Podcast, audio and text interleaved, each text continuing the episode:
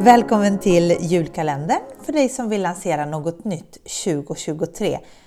Eller när du vill, men kanske förhoppningsvis 2023. Magdalena Bibik vid mikrofonen och idag pratar vi om att involvera kunden. Vi nudgar kundbeteendet redan innan ditt koncept är färdigutvecklat för att kunden ska se fram emot att köpa från dig framöver.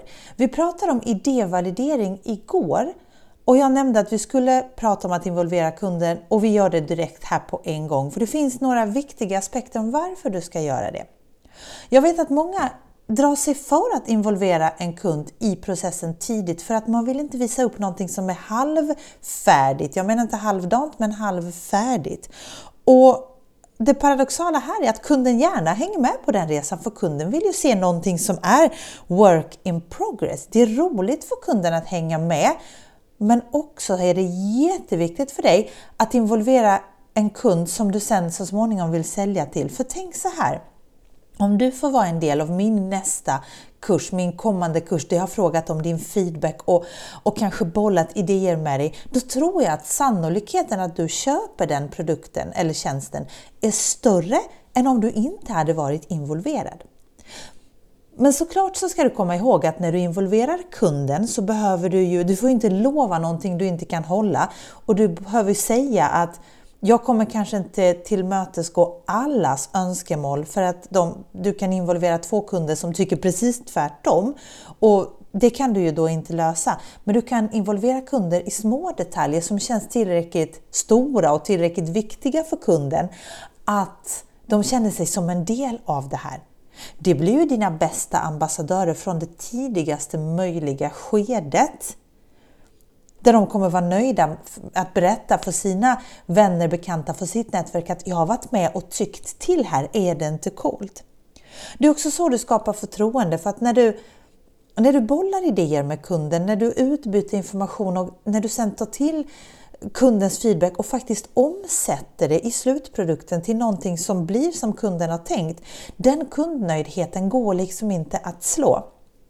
Men framförallt, innan någonting annat, den viktigaste anledningen till varför du bör involvera din kund i din process är att kunden tänker inte som du, den är inte som du, den vill inte samma sak.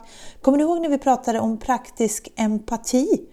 Vi pratade den 7 december om eh, det som då jag kallar för praktisk empati. Och det, det är förståelsen för att kunden inte är som vi är. Och hur du ska kunna anpassa eller kommunicera med kunden på ett sätt som passar den. Och kanske inte nödvändigtvis så som du hade tänkt från början. För nu vet du att kunden kanske inte är lika pepp och så vidare på din idé. Så att involvera kunden tidigt i processen kommer göra att du får reda på allt det där. Då får du reda på vilken typ av praktisk empati du behöver ta till. Du, behöver få reda på, eller du kommer få reda på kundens förförståelse, vad det är som verkar oklart, vad det är som de reagerar på i ditt erbjudande och alla de där små detaljerna. Sen är det naturligtvis så att eh, om du är orolig över att kunden kanske ska nalla din idé, men då får du skriva ett sekretessavtal och det är ingen skam eller någonting i det heller. Om du berättar för kunden att jag skriver sekretessavtal med alla som går in i den här processen så här tidigt. Det kan vara min syster, men det är också alla mina kunder, alla som får titta på min idé. Så det här är inte att jag inte litar på dig, utan det här är en policy som vi har här på BBK, att alla signar ett sekretessavtal. Då behöver inte kunden heller fundera på om det har med den att göra, utan då är det här någonting som gäller för alla. Och också det visar på en väldigt stor seriositet från din sida att du faktiskt har ett sekretessavtal och det kommer ju skydda dig mer då eh, än om du inte har det, om du inte riktigt vill involvera kunden utan att ha något dokument med dig. Men det är extremt viktigt att du gör det så att du inte gör mina missar där jag bara kört på och idéskapat och inte ens frågat kunden, inte, inte validerat. Lyssna på gårdagens avsnitt om du inte har gjort det än. För då kanske inte det säljer. Så att involvera kunden i processen har enorma fördelar. Så jag hoppas att du vågar göra detta. Imorgon så kommer vi prata om vad kunderna mäts på och varför det är viktigt för dig. Så jag hoppas att vi hörs.